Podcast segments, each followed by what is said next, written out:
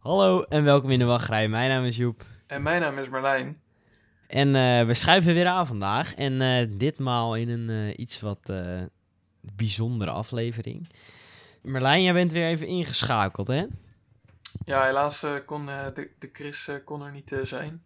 Nee, de, dus de noodklok moest weer geslagen worden. Dus vandaar dat, dat jij weer eh, opgeroepen bent. Eh, ja, was even een miscommunicatie tussen mij en Chris. Die is ehm, ja, op, een soort van tripje voor school. Ik weet niet precies ook hoe het zit. Maar ehm, ja, daar kwam ik dus best wel laat achter.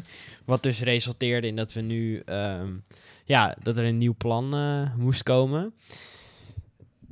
Dus vandaag eigenlijk geen eh fastpass die er eigenlijk zou komen over een attractie. Maar eigenlijk een soort special over The Mandalorian. Nu dat eigenlijk eh, seizoen 2 net twee afleveringen bezig is, leek me dat wel eh, ja, een goed idee. Eh, ook omdat Merlijn eh, toch wel eh, een kleine fan is. ja, de enige echte diehard Star Wars fan. De diehard Star Wars fan. Al mijn vragen die ik heb over Star Wars, die eh, kan eh, Merlijn eh, eigenlijk instant ehm, ja, beantwoorden. nou ja, en mensen kunnen natuurlijk ook eh, eh, kennen nog van de oud, oudejaars special vorig jaar. Of ja, af- andere denk aan af, aflevering 2 voor de mensen die echt way back gaan. Dat eh, problemen met de audio en dat Merlijn toen ook nog die, eh, die clutch appearance maakte. Ja, jij appte me toen. zei van, yo, kan je komen? Dus ja, toen ben ik in de trein gesprongen en toen... Ja. Hij is, Merlijn is het kloppende hart achter, de, achter onze podcast. Die, jij hebt me ook nog dingen geleerd op eh, Audacity eerst zelfs nog. ja, volgens mij, volgens wel. mij weet jij nu wel meer van dan ik inmiddels, maar... Ja, mag ook wel. Na, na bijna na dik 40 afleveringen. Ja, inderdaad. Creative eh, lead designer in, de- in de wachtrijstudio ben je ook? Ja, ik hoor het wel als je een nieuw logo nodig hebt. eh, Ja, nou misschien, misschien een leuk idee. Aflevering voor aflevering 50. Verras ons. Mm, ja, oké. Nou, moet ik even kijken. Of het past in het schema. Eh, ja, laten we gewoon beginnen. Eh, allereerst ehm, even wat info, eh, heel basic over de Mandalorian. Nou ja, nu, we zijn nu dus net begonnen. Sinds 30 oktober is seizoen 2 uit. Dus er zijn in totaal twee seizoenen. En in het eerste seizoen wa- waren er acht afleveringen. En nu is het idee dat er natuurlijk ook gewoon weer acht komen. Eh, het seizoen 1 had wel verschillende lengtes qua afleveringen. Dus dat was wel een beetje jammer af en toe dat het soms wat korter was. En dan soms was het weer wat langer. Dus dat is wel fijn. Ja, ja dat, dat merkte ik wel. Dat aflevering 1 van seizoen 2, die duurde dan weer 55 minuten. En nu duurde aflevering 2 ook weer veel korter. Dus het is wel jammer dat, ze, dat het niet zeg maar steeds ongeveer rond hetzelfde... Ja, ze moeten natuurlijk ook wel een beetje sterk openen. Je kan ook niet elke aflevering eh, Nee, even goede dingen hebben. nee en ik weet Eh. ook niet of je aflevering 2 wel 55 minuten zou willen laten duren. Nee, inderdaad, daarom. Ehm, en dan, het, voor de mensen die, het niet, die er nooit van gehoord hebben. ehm, het speelt zich af tussen twee grote films in. Dus tussen eh, eh, aan het einde van de, van de originele trilogie, dus eh, Return of the Jedi. Eh, en tussen de Force Awakens in van de Disney, eh, de nieuwe Disney films. Ja, dat, dat vind ik wel op zich een soort jammer. Eh, omdat je altijd wel gebonden bent aan een bepaald verhaal. Nou, ik denk, Dus- juist, ik denk juist dat er heel veel mogelijkheid zit in deze, in deze periode, want daar is dus heel weinig over bekend. En Disney probeert dus nu een soort van de void te vullen die tussen die films zit. Dus ik vind het eigenlijk best wel slim wat ze hebben bedacht. Oké. En je kan, ja, je kan gewoon best wel alle kanten op. Het, enige verschil is dat je dus niet echt meer de Empire hebt zoals je dat eh, had in de originele trilogie. Dus eh, Darth Vader en zo en al die Stormtroopers. Tenminste, die, die komen Ja. dus nog wel voor in de Mandalorian. Alleen ze worden dus niet meer aangestuurd door één eh, Emperor, zeg maar. Omdat die dus dood is. Spoilers. Ja, door één soort grootmacht. Ehm, wat we ook nog weten is dat er een seizoen 3 geconfirmed is. onder de werknaam Buccaneer. Buccaneer voor de mensen die de Piraten Special hebben gevolgd. eh, dat zijn dus een soort piraten, Buccaneers. Eh, eh, weet jij daar al meer van, Merlijn? Nee, ik heb daar echt nog niks over gehoord of zo. Eigenlijk niet. Mm. Dus ja, ik ben benieuwd misschien dat het meer een soort piratentientje gaat krijgen of zo. Ja, wie weet. Ja. Weet ik veel. Wat, wat, wat Bob Iger, de CEO van Disney, heeft gezegd, is dat ze wel een spin-off willen maken van The Mandalorian. En nu gaan film er of dus ge- een serie? eh, spin-off serie. Dus nu gaan er geruchten rond dat het een Boba Fett miniserie wordt. Oeh, dat zou wel heel nice zijn. Eh, en misschien in de periode van dat hij, dat hij zeg maar, het toch wel dus had overleefd. Want hij stierf dus eigenlijk... In welk deel was dat? Ja, Return of the Jedi. Toen, eh, toen viel die in die Sarlacc pit. Die Ja. een soort van monster in de duinen. Gewoon heel het gapende gat zo.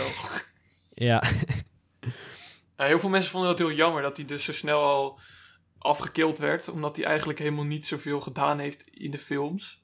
nee. En het, eh, het, dus het stomme is dus, hij werd eh, op zijn jetpack ge, gedouwd door Han Solo met een of andere Ja, staf. per ongeluk toch ook? Per ongeluk, ja. En dat, dat hij Ja. ineens dood is. Dus ja, heel veel mensen vinden dat wel zonde. Dus ja, dat En hij wel, rolde eh, ook echt heel glibberig in dat, eh, in dat ding. Maar daar gaan we het later eh, meer over Ja, hebben. klopt, klopt, klopt. Ehm, we gaan nog geen spoilers geven, maar dat komt later meer. Ehm, denk je nou, shit, ik heb seizoen 2, ben ik nog niet aan begonnen. Ehm, we gaan het even zeggen dat we het over seizoen 2 gaan hebben, want daar gaan natuurlijk spoilers in zitten. Heb je nog helemaal geen Mandalorian gekeken? Ehm, Zet hem ja, dan gewoon meteen af eigenlijk. Zet, zet dan meteen de aflevering uit, want gaat zelf kijken, want het is echt een aanrader. 8,7 op eh, IM, eh, IMDb eh, rating. Maar en zelfs jij, je, dat is ook een beetje jouw introductie hè, in Star Wars volgens mij. Dus Ja, ik, ik, ja, ik was vroeger natuurlijk altijd al een soort verbaasd door Star Wars. Ik vond dat wel vet, maar ik heb nooit echt een echte fandom gehad ervoor. Ehm, en nu, door de Mandalorian, is dat echt wel aangewakkerd bij mij. En heb ik wel zoiets... eh, Toen ben ik ook weer gaan begonnen met alle films kijken en, eh, en zo. En is wel echt een beetje voor mij eh, aangewakkerd. Een soort laadbloeier ben ik. nou ja, hè, beter laat het nooit. Precies. Ehm, kom je nou trouwens ook nog puur voor die pretpark ehm, praat? Dan mag je hem ook gewoon gerust uitzetten. Denk je, nou, nou, ik wil eens een ander geluid horen. Ehm, ik, ehm, zo'n tussenpauze, want zo zijn we dan ook weer. Dit wordt een hele leuke aflevering. En Maar dan gaan zou- we... Oh, sorry. Nee, ga, ga verder. Nee, wat zou je ervan van vinden als ze dus een Mandalorian-attractie zouden bouwen in eh, een van de Disney-parken? Ik zou dat geweldig vinden. En zou je Ik dan zou- ook, zou je dan ook eh, ja, wat, wat, voor, wat voor soort attractie zou je dan verwachten? Oh. Ook een soort een dark ride, net als wat ze nu al in Star Wars eh, Land Dings hebben gemaakt? Of juist een soort Ja, ik- coaster? Of... Ik weet niet. Aan de ene kant zou ik wel een soort, eh, misschien is het vaag een show willen zien. een soort van comedy show met de Racer Crest en Baby Yoda. Ehm, of, ja, het is, het is lastig. Ja, ik wil niet zo'n cliché in achtbaan zeggen. nou, wie weet komt het er ooit nog eens van. Hè? Ja, ik bedoel, ik weet Ja, dit is wel, het, het is wel een leuke vraag. En ik ga er wel over nadenken. Want over een game had ik wel al nagedacht. Oeh, dat lijkt me inderdaad ook wel heel vet. een Assassin's Creed-style game. Grote open world. eh, free roamen met je Racer Crest. Dat eh, zou ik toch wel heel chill vinden. Ja, misschien zou ik wel een simulator willen. Ja, of zo'n soort spel als eh, Squadrons. Ja, dat zou ook hard zijn, ja. Nee, maar ik bedoel voor, eh, voor in een pretpark, een attractie. Ik zou dan misschien wel een soort simulator willen. Net zoals de, als je die hebt van de Mille- Millennium Falcon. Oh ja, ja, ja. Dat we die krijgen in, eh, in ons eh, Star Wars Land in Disneyland Parijs. Daar zou ik best wel akkoord mee gaan. Want ik denk dat Mandalorian in Europa meer leeft dan eh, Millennium Falcon onder de nieuwe generatie eh, kinderen. Ja, misschien wel. Ja, ik, ik, ik zou het wel best wel logische marketingstrategie vinden als ze... Of nou niet marketingstrategie, maar gewoon, het gewoon logisch vinden om daar ook een attractie van te maken. Of iets. Ja, meet voor de Mandalorian. Baby Yoda. Life size. ja, ik denk dat- dat daar wat potentie in zit. Ja, wie weet. Ja, laten we het eh, gaan hebben over de techniek achter de serie. Want ehm, ja, ze zijn natuurlijk niet echt naar eh, het eh, sterrenstelsel hier heel ver vandaan eh, gevlogen. Maar ze hebben alles opgenomen met, ja, eigenlijk LED-schermen. Normaal gesproken wordt voor dit soort films altijd uh, greenscreens gebruikt en, en van die blauwe schermen.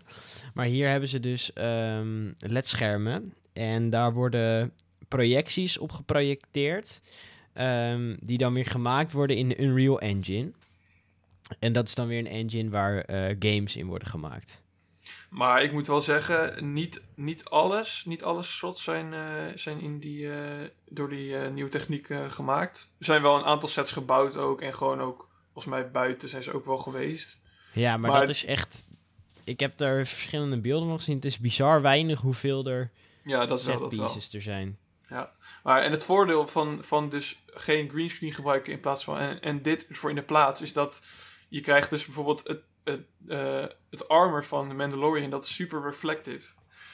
En als je dus in een greenscreen uh, studio staat, ja, dan krijg je allemaal groene dingen. En dat moeten ze dan allemaal in post-production allemaal weer gaan fixen. Maar het voordeel van dit is dus, er is gewoon realistisch licht wat op alle objecten valt. Waardoor het dus echt heel realistisch oogt ook.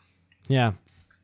Ja, wat jij zegt, je hebt die soort van die groene glare. Dat heb je niet op, uh, op attributen. Um, want wat ook heel mooi is, dat zeg maar het beeld kan zich meebewegen met de camera. Met het gezicht zelfs van de camera. Dat wordt ook wel een frustum genoemd. Dus je kan die camera draaien en dat beeld draait met de camera mee. Dus zo kan je, kan je het echt lijken of je in een echte set bent. Ja, en wat ik ook, wat ik ook nog weet is dat uh, soms dan had uh, directors hadden net een soort andere visie van hoe een set zou moeten zijn of hoe iets eruit zou moeten zien. En dat kunnen ze dan bijvoorbeeld echt ter plekke gewoon heel snel tweaken. Gewoon in een real engine. En dan kunnen ze geloof, geloof, gewoon weer opnieuw draaien. En dan is het zo gepiept. In plaats van dat het, heel veel tijd kost. Uh, er hoeft niks gerenderd te worden. Nee, klopt. Ze konden gewoon, als ze een bergje iets hoger wilden maken, konden ze, iets, uh, konden ze hem gewoon met een pincetje eigenlijk omhoog halen. Ze konden de berg aan de, aan de andere kant neerzetten. Uh, maar dat was niet alleen voor de ja, uh, productieteam een plus, maar ook voor de acteurs. Want je bent als acteur veel... Ja, je staat veel natuurlijker bij zo'n ledscherm dan dat je achter een heel groen scherm staat. Ja, dan moet je er veel meer bij bedenken natuurlijk. Ja, maar ja, wat je zei, de, de belichting is veel beter. Waardoor het film, uh, filmen ook soepeler gaat. En het is vaak zelfs ook goedkoper dan een film maken met je greenscreen. Ja, dat is ook wel inderdaad wel een heel groot voordeel. Dat ze kunnen dus veel, ook veel grotere soort environments bedenken. Ze kunnen veel, ja, ze zijn veel flexibeler met wat ze kunnen doen ook. Ja, licht is vaak een heel groot probleem bij, uh, bij greenscreens. Omdat je dan, alles is zo verlicht voor voor het greenscreen. En dan met FFX dan klopt het licht niet meer. Dus dat gaat er soms heel onnatuurlijk uitzien. En je kan gewoon veel sneller schieten. Omdat je minder set pieces hoeft te maken. Je steekt minder tijd in, je, in, het, uh, in post-production. Al dat soort dingen. En nou ja, dat is ook gewoon goed voor je budget. Terwijl ik dacht, dit, dit is fucking duur. Maar op de lange termijn, zeg maar, is het dus goedkoper. Ja, dat is, daar is Disney natuurlijk wel een beetje om te doen, hè? Zoveel mogelijk geld maken met zo min mogelijk middelen. ja, maar het is niet dat het... Het komt nu in ieder geval niet uh, ten koste van de kwaliteit. Nee, dat zeker niet. Want ik moet zeggen, het wordt ook echt heel snel geschoten. Ja, ze hebben uh, seizoen 2 hebben ze volgens mij meteen geschoten nadat uh, dat seizoen 1 was uitgekomen. Dus dat hebben ze ja, in uh, minder, ja, ongeveer een jaartje gedaan, maar nog steeds met corona ertussen nog.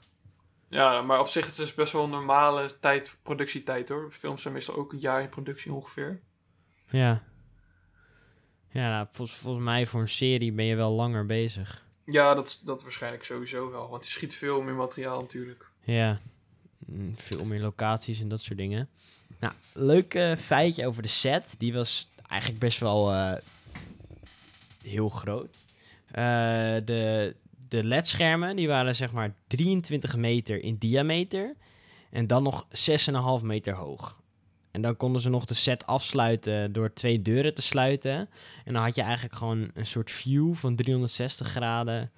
Ehm, ja, waar je dus alles op kon afspelen. Waardoor je ook zeg maar, met je camera heel veel kanten op kon. En het dak was dan van, niet van LED-panelen, maar gewoon van LED. Dus van lichten, die ze ook weer konden bedienen. En Eh, dus het was echt heel geavanceerd. Wat ze dan... ehm, ze hebben ook nog dingen buiten gefilmd. En dat waren voornamelijk de, de scènes met heel veel explosies. Eh, want ja, als je dat bij je LED-schermen gaat doen... en je LED-paneel gaat stuk, dan... Ja, dan is eh, John Favreau niet zo heel blij. Nou, ik denk Disney het algemeen niet. Nee. Ehm, en het laatste leuke feitje is dat The Mandalorian was echt de eerste grote productie die het heeft gebruikt. Want zelfs ehm, Adventures Endgame die heeft gewoon nog greenscreens gebruikt. Dus ik ben heel benieuwd wat dit eh, ja, gaat brengen voor de toekomst. Maar volgens mij is dit ook een eh, exclusief eh, effect wat gemaakt is door ILM. En ILM is Industrial Light and Magic. Dat is de, Van VFX, ja, de VFX studio van Lucasfilm inderdaad. ja. Dus volgens mij hebben die het gewoon helemaal zelf ontwikkeld. eh, en ja, zijn er dus ook geen andere producties die het nog hebben kunnen gebruiken inderdaad. Ja, wie weet dat ze het wel hebben gebruikt voor, eh, voor de nieuwe Disney Plus eh, Marvel-series of wat dan ook. Ja, dat Daar zou, wel, weten we ik, niks over. dat zou wel heel vet zijn. Ik hoop ook dat ze dit gaan gebruiken voor ehm, mm, Guardians of the Galaxy. Oh ja, dat zou ook inderdaad wel een goede zijn ervoor. Want die wordt toch ook ge... De director van Guardians of the Galaxy, die heeft toch ook een aflevering gedaan in seizoen 1? Ik kan alleen zijn naam niet Eh, uitspreken. Nee, nee volgens mij niet. Eh, de director van Guardians of the Galaxy is James Gunn. Oh nee, laat maar, dan eh, zit ik... eh, zit ik Of bedoel je Taika Waititi bedoel je? Ja, ja. Oh ja, die is van eh, eh, Thor Ragnarok. Oh, ja. Ja, dus misschien... Maar ga, wie gaat eigenlijk de nieuwe Guardians of the Galaxy Volume 3 doen? Ja, James Gunn ook. Maar die, Oh, heeft dus, die was nog steeds bezig met die, eh weet het, Suicide Squad 2. Misschien dat mensen daar Oh. ook wel een trailer van hebben gezien, die is ook uit. Maar daar moeten ze nog mee beginnen met schieten, joh. Dus eh, Oh, oké. Dus dat duurt sowieso nog wel even. ja, joh, dat duurt eeuwen.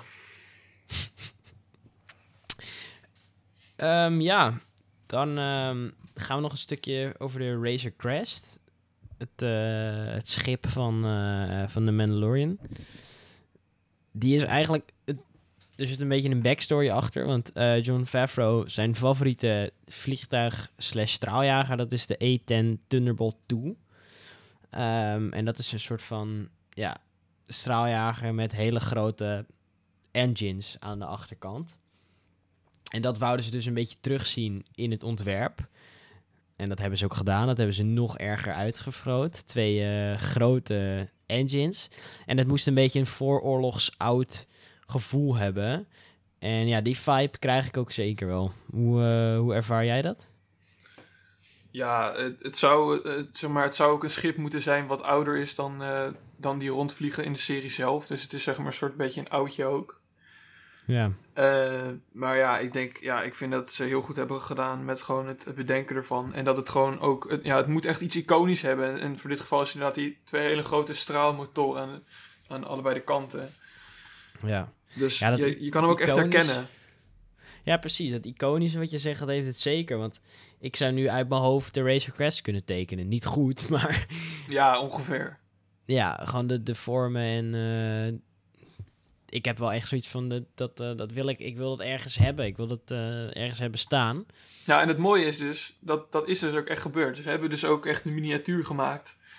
Eh, net zoals op de oude methodes, hoe ze vroeger dus ook Star Wars hebben opgenomen. Dat hebben ze toen ook eh, met miniaturen gedaan. En dat hebben ze dus nu voor de Mandalorian hebben ze dat weer gedaan. Niet voor alle shots, maar voor, voor een heel veel Ja. ver weg shots bijvoorbeeld hebben ze... Dat hij gewoon door de ruimte vliegt of zo, hebben ze dus gewoon een echte miniatuur gemaakt. eh, 3D geprint, eh, gewoon helemaal gemaakt met metalen stukken en uiteindelijk gewoon La- geverfd en zo. lampjes, alles erin. Ja, alles ja. erin. Ja, en het mooie daar ook is aan, die hebben ze dus zeg maar, ze hebben een soort van mechanisme dat de camera en het schip, die vlogen dan soort langs elkaar en de camera draaide dan weer. Dus die bewegingen, die heeft de camera dus echt gemaakt. Ja, en, maar het- voordeel ook is aan die, eh, aan die setup is dat die camera en die, eh, de manier hoe het, hoe het schip vliegt, die worden dus met de computer bestuurd, waardoor je dus de hele tijd opnieuw hetzelfde shot kan maken. Dus Ja. voor als het niet goed was, of als je nog even een haartje niet goed zat, of een stukje verf, dan kun je het nog even aanpassen. En dan kan je precies weer opnieuw datzelfde shot weer recreëren, Ja. zeg maar. Ja, ik vind wel iets vet dat ze dit eigenlijk, dat je, dit zie je tegenwoordig niet meer. Nee, klopt. En ze, dat ze dan toch terug naar de roots gaan van, van wat Ja. Star Wars eigenlijk is. En dat ze dan dat weer gebruiken. Ja, dat vind ik wel een soort van... Daarom, die serie is... Ik denk ook wel door John Favreau... Ik denk dat niemand anders het zo goed had kunnen doen al- als hij. Nee, klopt. Hij, is nu, hij wordt ook een beetje soort van gezien als de nieuwe George Lucas, zeg maar. Degene die Star Wars weer een beetje revived nadat eh, door Disney helemaal kapot is gemaakt, soort van. Ja. Tenminste, al ervaar ik dat niet helemaal. Maar ik zie zeker wel eh, terug dat, dat Mandalorian toch wel meer een soort van Star Wars is dan de films die Disney heeft eh, gemaakt, zeg maar. Met eh, Daisy Ridley eh, en zo. En, eh, Ja. Ja, dat, dat voelde voor mij ook minder episch aan dan zeg maar de oude eh, ja. films. En dit, dit heeft dat dan weer helemaal terug. Dat, dat, dat je echt in een andere wereld zit, zeg maar. Ja. En nu is het, en nu is het even het idee dat we, dat we zo meteen gaan, gaan hebben over seizoen 2. Maar om je een beetje in te leiden, moeten we natuurlijk ook even weer teruggaan naar seizoen 1. Ja, Zodat je weer een beetje up to speed bent. eh, en dan kunnen we, kunnen we daarna over spoilers gaan hebben. ja precies. Ehm, voordat we dat nog even gaan doen, wil ik nog heel even snel hebben over merch. Want dat is bij deze serie op een hele aparte manier gegaan. Want ja, Baby Yoda. Dat is toch wel een soort icoon, Star Wars icoon echt geworden. Daar was geen merch van toen de, ja, eigenlijk voor het hele seizoen hebben we daar geen merch voor gezien, voor seizoen 1. Eh, en dat had dus te maken met het feit dat Baby Yoda moest zo'n surprise factor worden. Dat ze er dus voor hebben gekozen om met geen één eh, speelgoedmerk in zee te gaan. Totdat die eerste aflevering werd gelaunched, zeg maar. Ja, volgens mij heb je dat ook al een keer een, andere aflevering eh, ook verteld, volgens mij. Oh, dat kan best. Maar dat, vind ik, dat vond ik in ieder geval ja, wel een goede set. Eh, en dan, wat kun je dan kopen aan merch nu, vandaag de dag? Funko Pops. Eh, er zijn... eh, Hot toys, tal- figurines. Talking En- plush, Baby Yoda, knuffels. ehm, er is zelfs een life-size Baby Yoda van 441 euro. Maar ik had eigenlijk wel verwacht dat je die had gepreorderd, Joep. Maar Ja, nou weet je wat het is? Als ik echt op mezelf zou wonen en ik heb zo'n fulltime baantje, dan had dit zeker in mijn huis gestaan. En dat die Yoda had dat, dat gat in mijn ziel eh, gevuld. Maar het jammer vind ik wel aan dat hij niet. eh, je, kan, ja, je kan hem soort van poseren, maar je kan niet zijn gezicht of zo. Hij heeft zeg maar een, een dichte mond. En het zou echt grappig zijn als je die ook nog. Als je dat Als nog je kon bewegen, ja. ja, zoiets. Ja, precies. Ehm, een stukje merch wat ik wel waarschijnlijk ga kopen, wat jij wel hebt, waar ik heel jaloers voor ben. En ik denk je kan, al kan raden wat. Ja, ja, ja, zeker. Dat is De- natuurlijk de Razor Crest Lego set. Ja, dat is toch al ehm 130 euro heb je ervoor betaald, toch? Ja, ik vind, het, ik vind het op zich best een goede prijs. Want eh, ja, hoe Hij is best groot. Hij is best groot, vind ik. En je krijgt eh, Baby Yoda, The Mandalorian, eh Grief Karga en IG-11. En ook nog een Scout Trooper erbij. Als eh, Lego eh, figuren. Ja, dus vijf minifigs. Ja, en ik, ik, vind, ik, had het, ik had serieus niet verwacht dat hij zo groot zou zijn, het model zelf. Dus ja, ik, ja, ik zou zeggen van koop het gewoon als je het geld ervoor over hebt. Koop het. En dat is de schaal, die zit, die zit wel op zich wel goed. Nog niet Mm, helemaal. Nou, niet helemaal. Het is wel ietsjes kleiner dan, dan zou Ja. moeten. maar Maar ja, vind, je, vind je 130 euro voor zo'n set dus wel gewoon goed? ja, ik vind het wel prima. Ja. Ja, ik heb het ervoor over, maar goed, eh, misschien niet iedereen. Nee, ik wil deze ook, ik moet deze ook gewoon nog hebben. En ik denk dat voor het einde van het jaar eh, dit ding op mijn bureau gaat staan. Want Dat hoop ik. Daar hou ik je Het- aan. het begint steeds meer te kriebelen. ja, eh seizoen 1, Merlijn. Ja, god. Het was me toch wat. Ja, het, mooie vind ik nog wel. ehm, wat ik heel blij mee ben, is dat seizoen 2. Dat ze hetzelfde principe aan hebben gehouden. Eén aflevering per week. Ja, maar ik kan ook wel in principe wel gewoon aan wennen als ze het hele seizoen in één keer online hadden gegooid. Maar toch, dan blijft die anticipation toch iets minder. Want nu ben je steeds weer benieuwd van wat, er, wat gaat er nou weer komen en zo. Terwijl als het in Ja. één keer gereleased zou worden, dat is toch ietsjes minder... Ik, ik vind het wel een soort van eh, wat hebben dat je dat je weer na dat je echt weer cliffhangers hebt en dat je dan na een week wachten echt weer zo oh ja het is weer we gaan weer beginnen Ja, klopt. Ehm, en je bent gewoon spoilervrij ook want ik merk nu als ik dan ik had aflevering 2 had ik ik ben nog niet op tijd geweest dat ga ik nu wel zijn eh, is dat ik dan al op YouTube zag ik op de thumbnail al een weet je bijvoorbeeld aflevering 2 daar zag ik al wat daar een beetje ging gebeuren op door de thumbnail van een YouTube video waar ik per ongeluk op stuitte Ja. Ja, daarom probeer ik dus meestal echt al gewoon te kijken de dag dat het uitkomt. Of zelfs, ik heb het vorige week, heb ik de aflevering gewoon echt om 9 uur zit, s ochtends zitten kijken toen die uitkwam. Ja, nou, zo vroeg ga ik niet mijn bed uit. Maar dus ja, elke 9 uur is vrijdag, toch best te doen. Elke vrijdag, 9 uur 's ochtends, staat hij online. Ja, ik, ik, ik moet om 10 uur, 10 uur beginnen, dus dan, Oh ja. dan wordt het een beetje lastig met werk. Dus ik kijk hem dan na mijn werk. Maar ja, ehm, aflevering 1, seizoen 1. Wat, eh, wat gebeurde daar nou eigenlijk?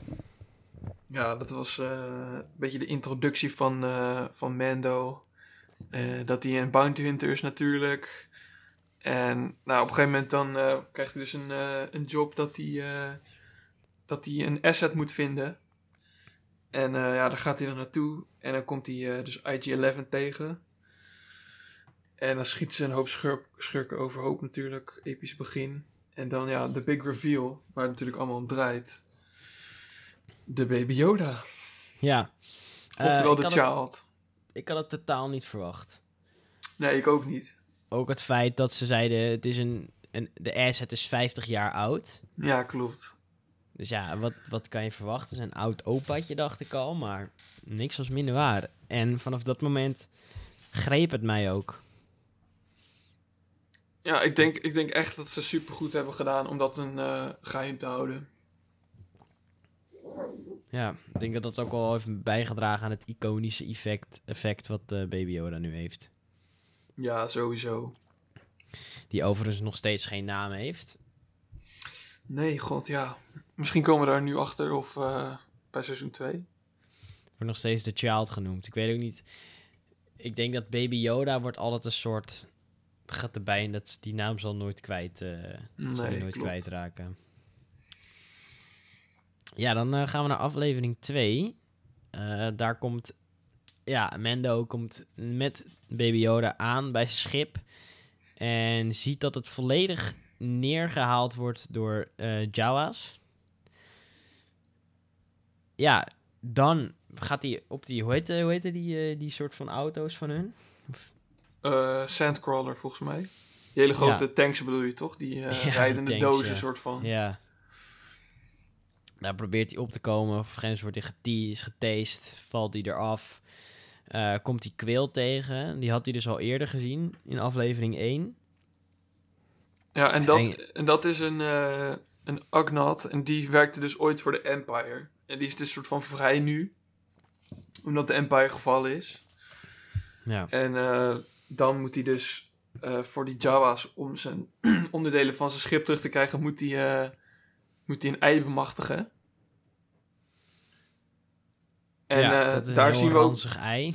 ja, een behaard ei. En daar zien we Ja. ook voor het eerst wat Baby Yoda eigenlijk eh, in zijn in in, eh, in zijn mars heeft. Ja, want hij wordt... De Mandalor- Mendo die wordt eigenlijk bijna gekild door een soort van Mudhorn, een harige, soort van... harige neushoorn. Ja, Ja. Ja, En, en dan... En dan krijgt hij zijn spullen weer terug en dan helpt die Quill helpt hem om zijn schip opnieuw eh, op te Ja, bouwen. want Baby Yoda die gebruikt dan de Force eigenlijk om, eh, om dat beest uit te schakelen. Met, Ja, om hem op te tillen volgens mij, toch? ja, en dan vervolgens steekt Mendo zijn mes in de, keel, in de keelpijpie van, eh, van dat beest. Ja. Ja, dan helpt Quill eh, Mendo het schip eh, te bouwen en vliegen ze zo terug naar... ehm, Navarro volgens mij, toch? De, ja, ja. Eh, dus in aflevering 3 komen we dan. Daar eh, levert eh, hij Baby Yoda in voor 20 repen Beskar. Ja, En dat dat is Beskar, dat is een soort heel speciaal metaal. Wat eh blast resistant is. Dus als Ja. je erop schiet, dan eh weerkaatst het. Ja, en dan, daar, dat, hij gaat dan naar een soort armor en die maakt eigenlijk zijn armor. Ja, zijn nieuwe chestplate en volgens mij nog een, hoe heet het, zijn schouderarmor. Ja. maar ja, dan eh, gaat hij op een gegeven moment weer weg als hij dat heeft. En dan denkt hij van, ja shit, eh, het voelt toch eh, niet goed dat ik hem daar zo achterlaat. eh. Ja. Ja, nee, weet je, ik weet nog wel, dat was best wel een, een mooi momentje. In aflevering 2 pakte zeg maar Baby Yoda steeds het balletje van een soort hendel af. En Ja. op een gegeven moment, hij wil zijn schip opstarten en hij pakt die hendel en dan ziet dat balletje er niet op zitten. En toen ja, zag ik toch wel een soort emotie door die helm eh, heen. Ja, ik weet niet precies hoe hij dat heeft gedaan. Maar inderdaad, je voelt inderdaad dat hij, dat hij hem mist. ja, het was heel mooi, eh, heel mooi neergezet inderdaad. Nou goed, en dan gaat hij dus terug eh, en dan schiet hij weer een hele hoop stormtroopers overhoop. En dan op het nippertje weet hij nog net de child te redden. Dus all is good in the end. Ja, en dan moet hij eigenlijk een soort vluchten. Want de guild waar hij dus bij aangesloten was, die ziet hem nu als een outlaw. Dus er zit, hij heeft ook een flinke bounty op zijn naam. Ja, want hij heeft, niet, eh, de hij heeft zich niet aan de code gehouden, want hij heeft zijn asset weer teruggehaald.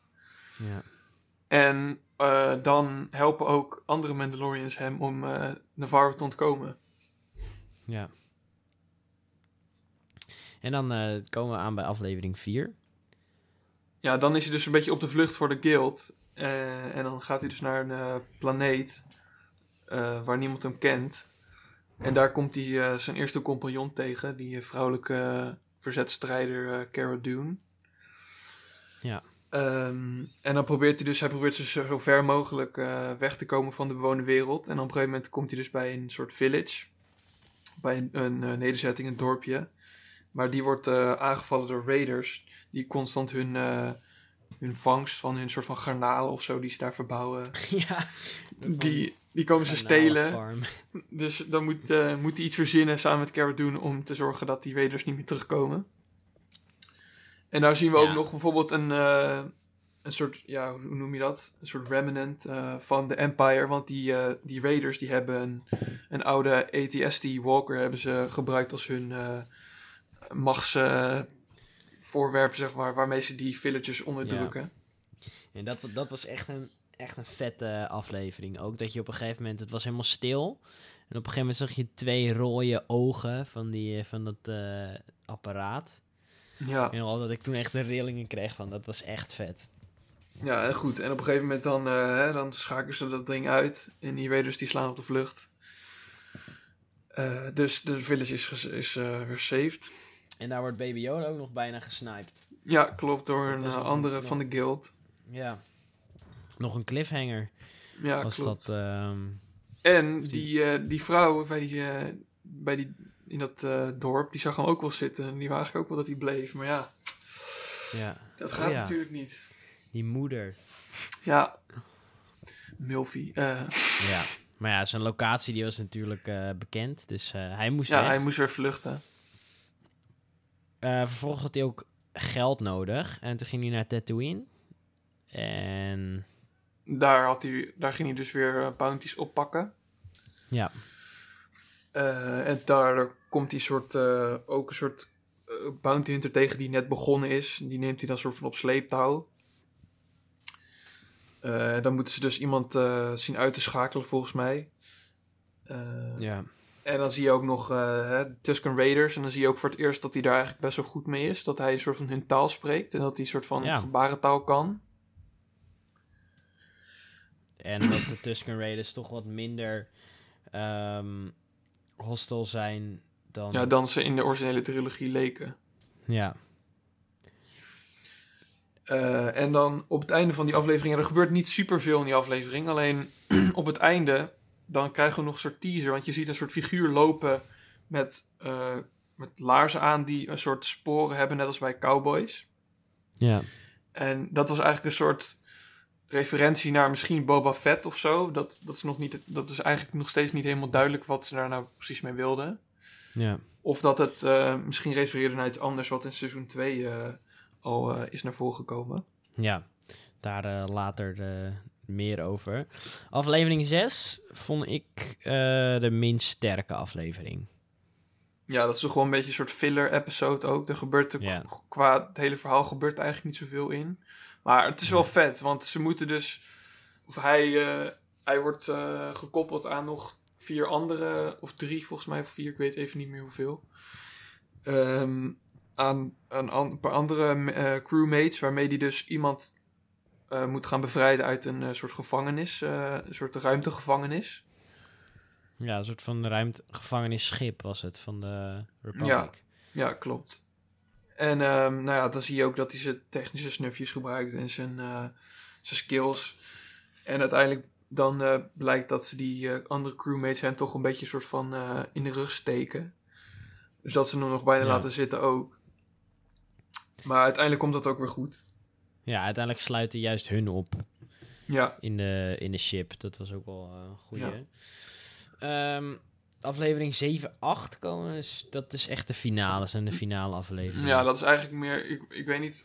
Ik vind het wel jammer dat het twee losse episodes zijn. Want het is eigenlijk gewoon één verhaal. Één, wat echt Ja. precies op elkaar doorloopt.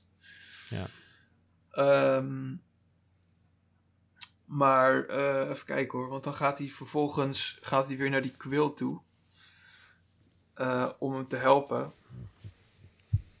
Want ik weet even niet precies meer wat hij nou ook weer moest doen. Waarom die Quill hem moest helpen. Maar daar komt hij erachter dat die IG-11 die hij in de allereerste aflevering eh, kapot ge- eh, geschoten heeft. Dat die Quill daar weer iets goeds mee heeft gedaan. Ja, En dat hij hem weer soort van opnieuw heeft geprogrammeerd, waardoor hij dus nu goed is. ja. en dat- dat vond ik ook wel heel leuk om te zien, omdat je dat eigenlijk nooit ziet. Is dat een soort droids een soort leven kregen. Ehm, zo zie je dat... Nou, je ziet dat die helemaal geherprogrammeerd wordt. Daar zie je een soort van montage van. Eh, en dat die droid een soort van... Ja, nieuw leven in, eh ingeblazen is. Wat we ook nog niet hebben verteld is dat eh, de men, ja, Mendo heeft een onwijze hekel aan droids.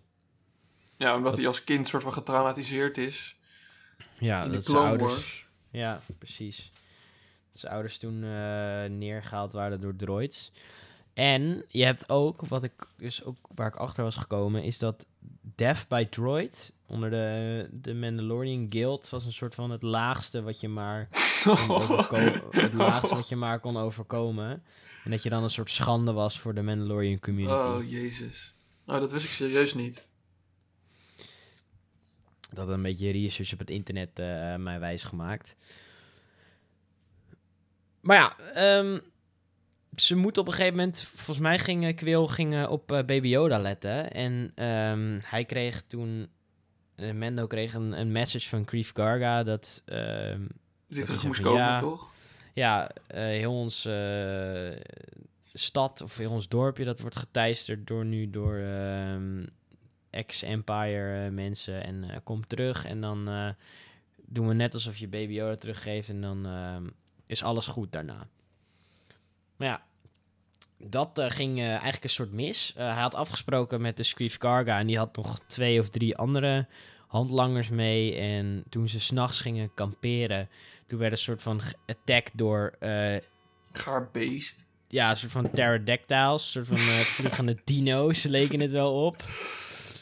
En toen is, werd Grief Garga dus flink geraakt, bijna fataal geraakt. En daar zagen we dus een nieuwe kracht van Baby Yoda. Hij kon namelijk voorzielen. Ja, hij legt een soort van zijn kleine handje zo op die wond en ineens woep, geheeld. Ja. En dat hebben we helaas al eerder gezien. Toen, ehm, ik weet niet eens meer de naam. Eh, toen zij het deed. Oh, je bedoelt eh, Ray in... ja, toen Ray het deed. Maar volgens mij kwam die aflevering nog uit voordat eh oh ja, dat is Rise of waar ook. Skywalker uitkwam. Dus eigenlijk was Ja. dat de eerste keer. Ja, dat is, dat is natuurlijk waar ook, ja. Daarna deed Ray het nog. Ehm Ja. ons ook ineens. Maar, maar ja, dan laten we daar maar niet te veel op ingaan. Ehm, nou, volgende dag aangebroken. Grief Garga schiet zijn twee handlangers dood. Vertelt van, ja jongens, dit was mijn plan eigenlijk. Ik zou jullie vermoorden en het kind pakken. Maar ik sta nu aan jullie kant.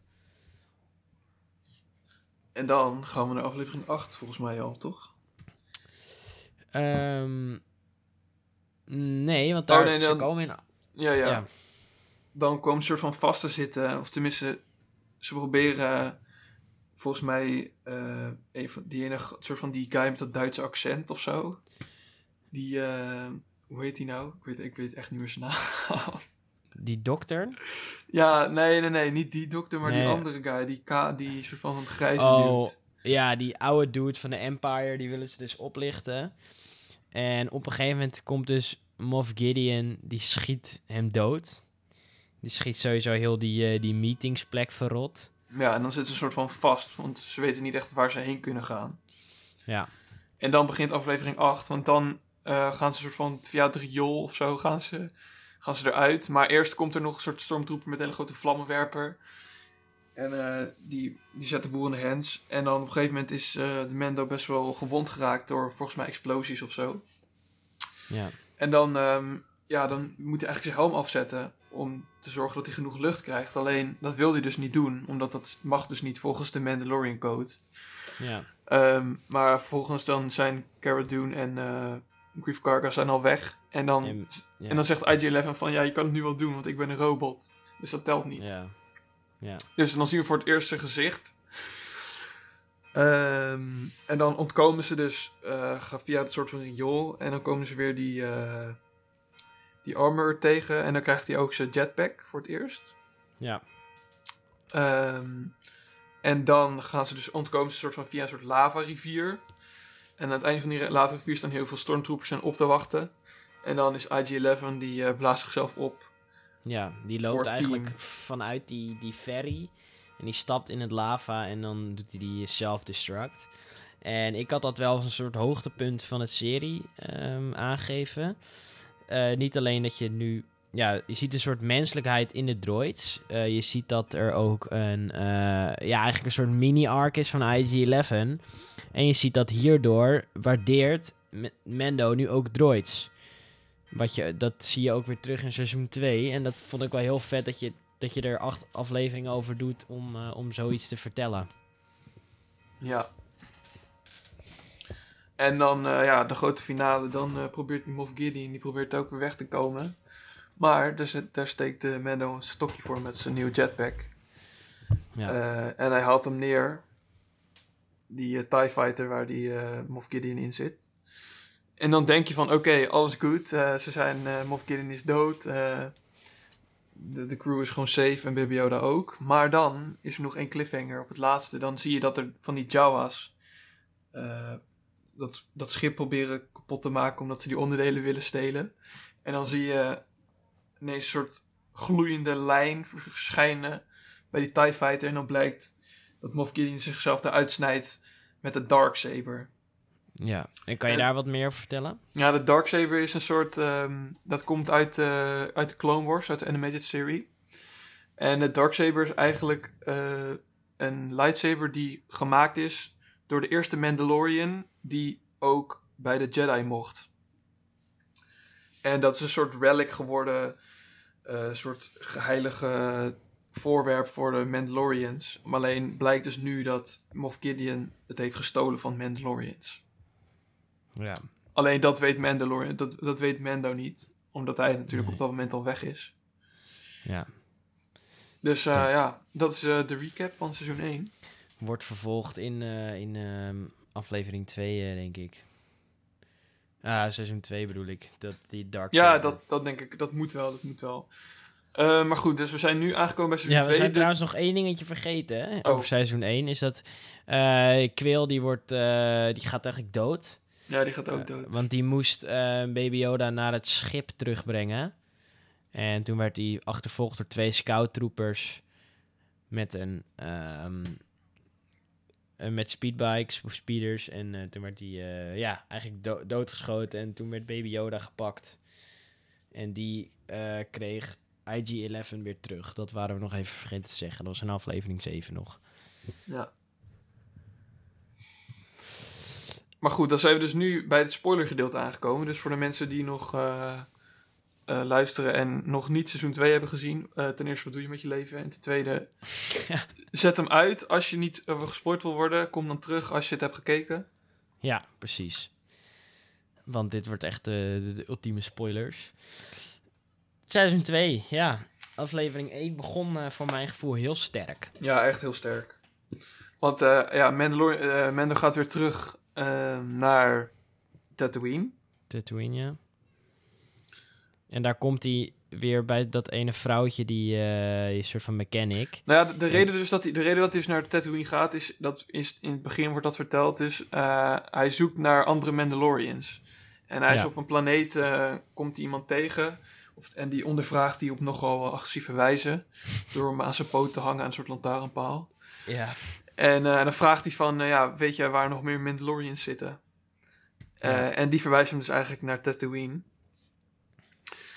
Ehm, en daar eh, vraagt hij dus, de, als hij daar is aangekomen, vraagt hij dus de boel rond. En dan moet hij dus naar een eh, stadje genaamd eh, Mos Belgos of zo. Ik weet niet Ja. Mos Pelgo, ja. Ehm, en daar wordt hij dus ook eh, weer geholpen door die vrouw uit aflevering 4 van seizoen 1.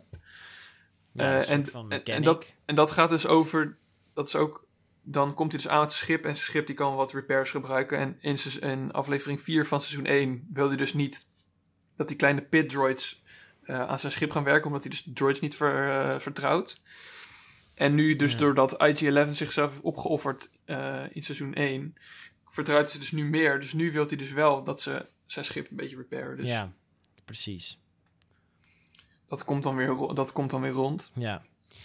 En dan krijgt hij een, eh, een speeder mee. ehm, en dan gaat hij naar eh, ja, dat Mos Pelgo's. Daar eh, ziet hij dus iemand in Mandalorian armor. En ja, dat is het armor van niemand minder dan Boba Fett. Ja, En toen dacht ik, oh mijn god, wat is dit?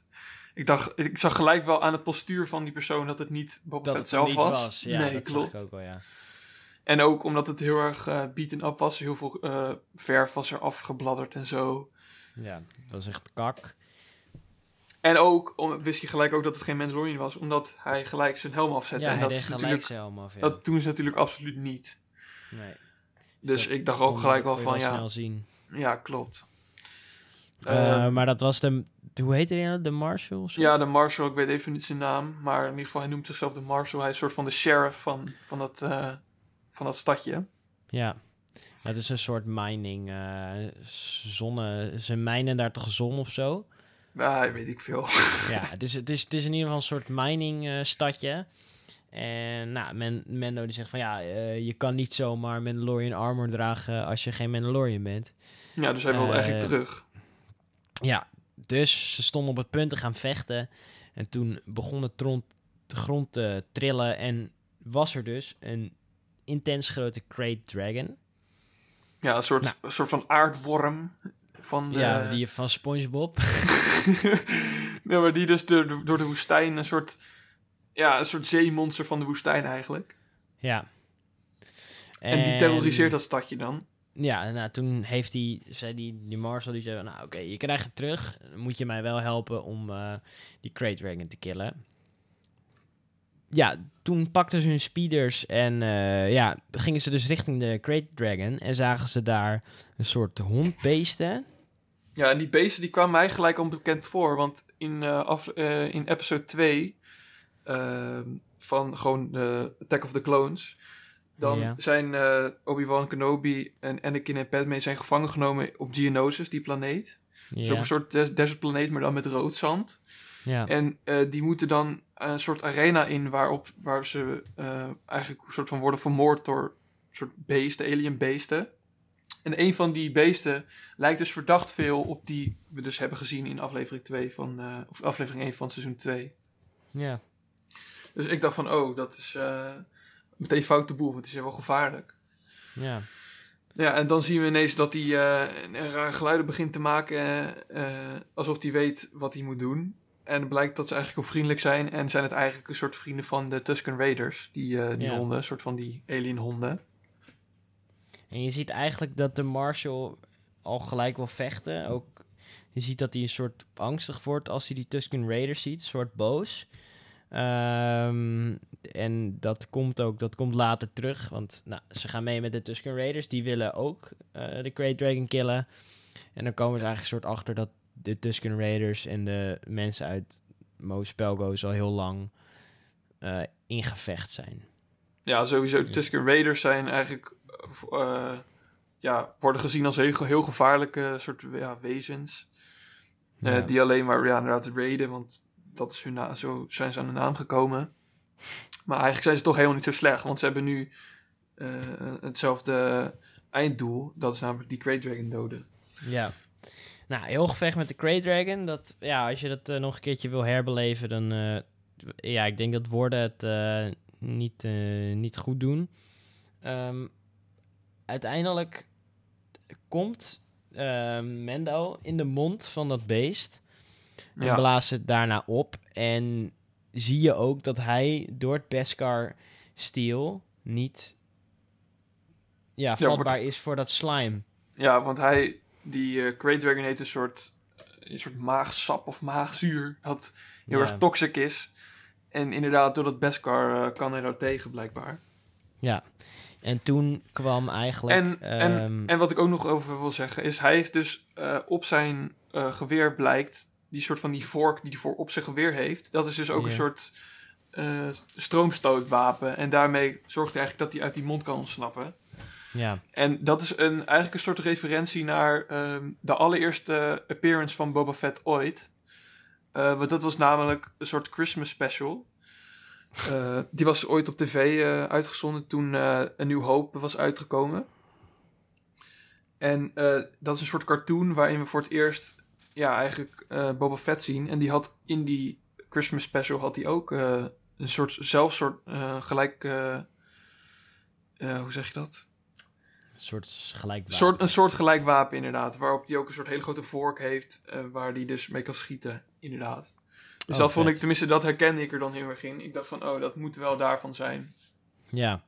Ehm, door eigenlijk doordat je zag dat eh, Mendo dat maagsap overleefde, toen kwamen eigenlijk de fan-theorieën uit van dat Bo- Boba Fett nog zou kunnen leven. Want aan het eind van de aflevering zie je dus ook. Ja, dan zie je dus dat hij het armor krijgt eh, van die eh, Marshall. Ja, En dan op zijn weg terug naar... eh, Oh nee, nee, dan is hij terug. En dan, als hij vertrekt volgens mij van Tatooine... dan zie je dus ineens een figuur staan op de, op de zandduinen. En die draait zich om en het blijkt ineens Boba Fett te zijn. ja, Maar dan zonder armor en gewoon een kaal hoofd. Helemaal scars overal op zijn gezicht. ja. En Tusken, ehm, Ja, clothing en zo. En eh, Ja. wapens. Tusken wapens inderdaad. En nou, we hebben het aan het begin van de aflevering al gezegd. Hij werd dus op een hele leme manier uitgeschakeld. En toen viel hij in de mond van een eh Sarlacc. Sarlacc. Als En je in die- zo'n Sarlacc valt, dan word je een soort van... Op een, door een he- het duurt heel lang voordat je uiteindelijk verteerd bent. Dus daarom is het zo'n Ja. pijnlijke dood. Ja, En ehm, ja, wat ze dus zeiden in de aflevering van... Ja, it looks like an empty Sarlacc pit. Ehm, en toen zei die Marshall, "Huh, maar dat kan helemaal niet leeg zijn. Ja, wel als je die Sarlacc eet. Dus Ja, wat dus de mensen dachten... Ja, oh ja, ga verder. Ja, die Great Dragon die heeft dus waarschijnlijk die Sarlacc opgegeten. En zo is eh het ding is teruggekomen waarschijnlijk. Zo is die Ja. eh, Boba Fett eruit gekropen. Ja, en wat ik dan denk is dat, dat hij gewoon lag op het zand. En dat eh, de Jawa's hem hebben gevonden, zijn armor hebben gestript. En ik denk dat hij toen dacht van ja, ik vind het wel best zo. Ik, ik, ik ga een ander leven leiden. Of, de, of hij zijn armor zelf verkocht en is gevonden door de Raiders. Die, die hem nu hebben opgenomen, want die zijn dus best gasvrij. Ja, dat zou, dat zou kunnen, ja. Nou, het is niet confirmed, hè, maar het zou best goed kunnen. Ja, ik hoop dat we daar nog wel achter komen. Ja, dat moet ook wel. Ik denk, ik denk sowieso wel dat ze daar nog iets over gaan doen. Tenminste, dat hoop ik echt heel erg. Ja. En misschien zien we wel, eh, ja, in die spin-off serie waar ik het over had, misschien zien we daar wel, want die, die schepen van, van de hut, dat waren ook een soort piratenschepen, toch? Ja, eigenlijk wel. Eh, een sand barge heet dat. Een soort... Ja, eh, ja, het is niet echt een ruimteschip, maar het is ook niet echt een soort niet echt een boot. Het is gewoon een soort zwevende... Ja, Net als zo'n net zo'n speederbike. Die zweeft lichtjes over de grond, zeg maar. ja. Eh, dus ik, ik denk, ja, de, de, de kans wordt steeds groter dat die seizoen 3 een spin-off wordt voor, voor Boba Fett. Ja, dat lijkt Ja. me echt heel vet. Ja, mij ook. Maar dat was aflevering 1 volgens mij. Ja, aflevering 2 is weer ja, een soort filler Ja, eigenlijk. iets minder spannend helaas. Maar ja, hoe kan je dat ook overtreffen natuurlijk? Hè? Een review Ja. van Boba Fett, dat is natuurlijk ook bijna niet Ja. overtreffen. Want je komt dus eh, eigenlijk zeg maar terug ehm, ja, bij dat ene vrouwtje en die zegt van ja, eh, ik sta in het krijt bij iemand. Kun je deze, dit kikkervrouwtje meenemen en brengen daarheen? Ja, want die, dit kikkervrouwtje die heeft dus eh, een man. En die heeft weer informatie over waar nog meer Mandalorians zich kunnen bevinden. Want die kikkervrouw, dat is het laatste van haar, eh, van haar, zeg maar, haar bloedlijn. En dus heeft een, die eieren moeten bevrucht worden door die man. En die man die zit op de Moon of Trask. Ehm, dus daar moeten ze heen vliegen. Nou. Ja, ze heeft een soort hele grote rugzak met allemaal vloeistof erin waar die eitjes dus in zitten. Ja. Nou, je ziet dat Baby Yoda, die houdt wel van ranzige dingen. die heeft ook wel eens kikkers gegeten. Ja, en, klopt. eh, nou, dus die, die eet door de aflevering heen een paar eieren op.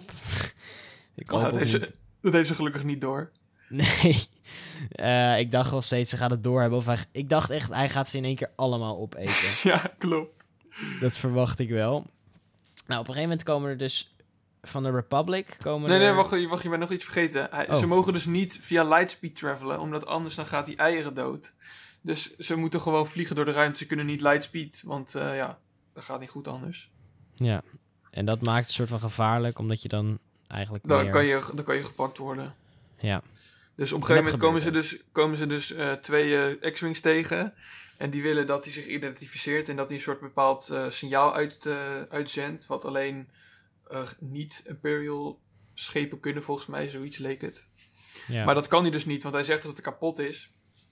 Ja. En eh, vervolgens dan eh, raakt hij dus in een kleine achtervolging met die X-Wings. Die probeert hij dus af te schudden. En eh, dan gaat hij dus naar een, naar een planeet, een ijsplaneet. Ja, Maldo Kreese, die we ook hebben gezien in seizoen 1, aflevering 1. Ehm, maar ja, dat was, toen zagen we meer de beschaafde kant en dit was de iets minder beschaafde kant. Ja, en eh, ja, op een gegeven moment dan is hij, dus, is hij ze dus bijna eh, kwijt. En dan probeert hij te remmen ergens. Maar ja, dat gaat helemaal fout.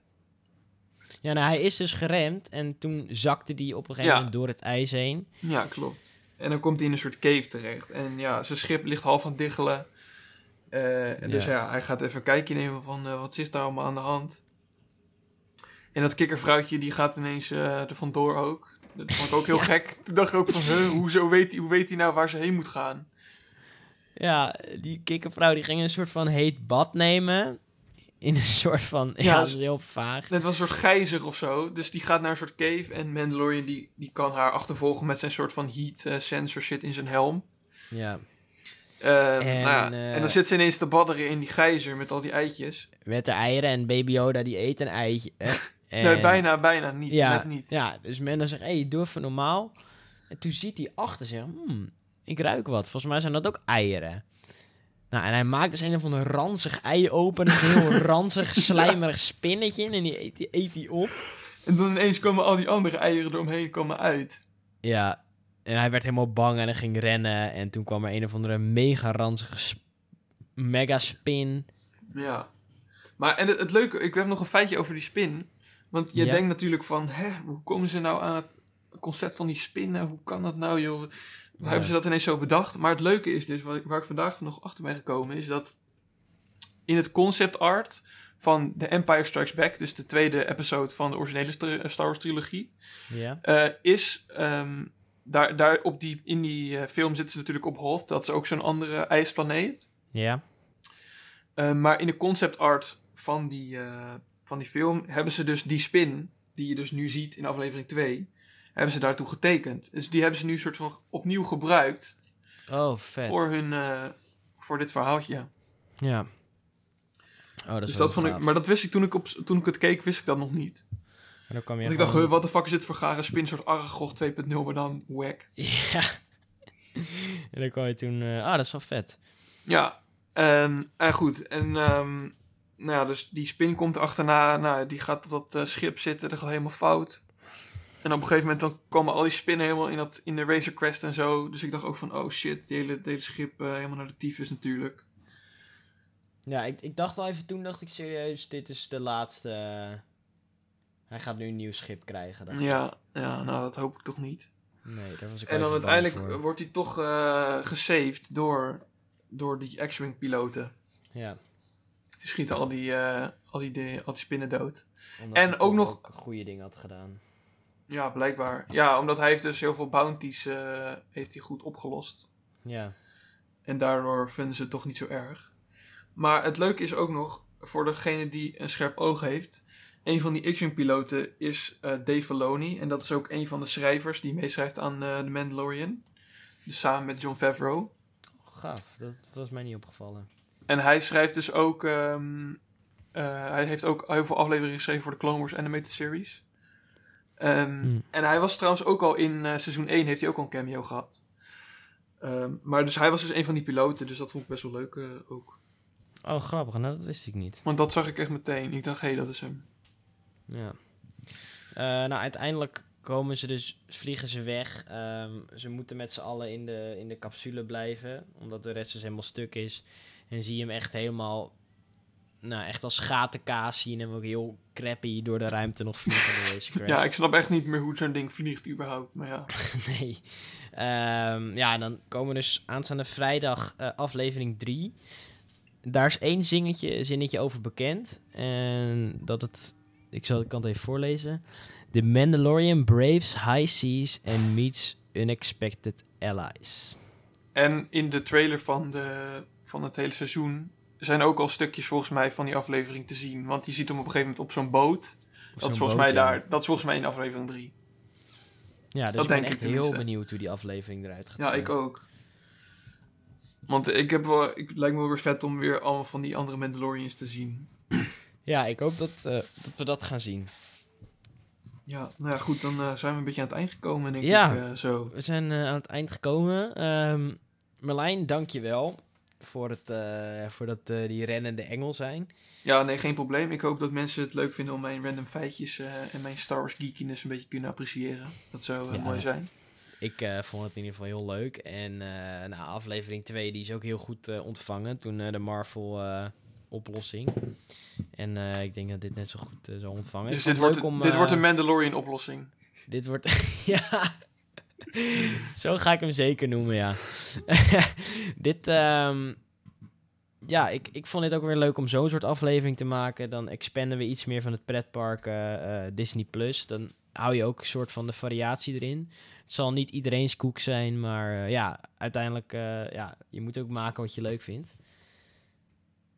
En dat was zeker het geval nu. Ja, nee, Dus ja. Ik, ik, vond het leuk om, om het weer even een beetje over te praten. Ja, Marlijn, gaan we, je- we gaan jou zien bij de oudjaarspecial, hè? Ja, dat hoop ik natuurlijk wel als corona toelaat. Als ik eh, tenminste in person eh, mag komen. Of, eh, Ja. of, of gaan we dat niet doen? Ja, dat is wel de planning. Om het wel weer een beetje. op zich, op zich zou het wel kunnen met, met z'n drieën toch? Of, Ja. Ja, jij, Nou, jij hebt het. sowieso voorkeursplek 1. Ehm, omdat ik natuurlijk de veteraan ben. De veteraan, de Innerwachtrij veteraan. Dus eh, ik- ja. En, en dit, jaar, dit jaar weet ik wel hoe je bitterballen moet eh, klaarmaken in die frituur. Dus, eh, Oké. En ik zou zeggen, lees je alvast in, want die Truus uit Delft quiz. oh ja, oh ja, oh die, ja. die gaat zeker weer terug. Ja, ik verwacht nu wel natuurlijk wel een dubbel zo moeilijke vragen nu. Dus. Dubbel zo moeilijke vragen, die gaan zeker komen. Marlijn, dankjewel dat je er was vandaag. En dan kan ik nog maar één ding zeggen. Tot de volgende wachtrij.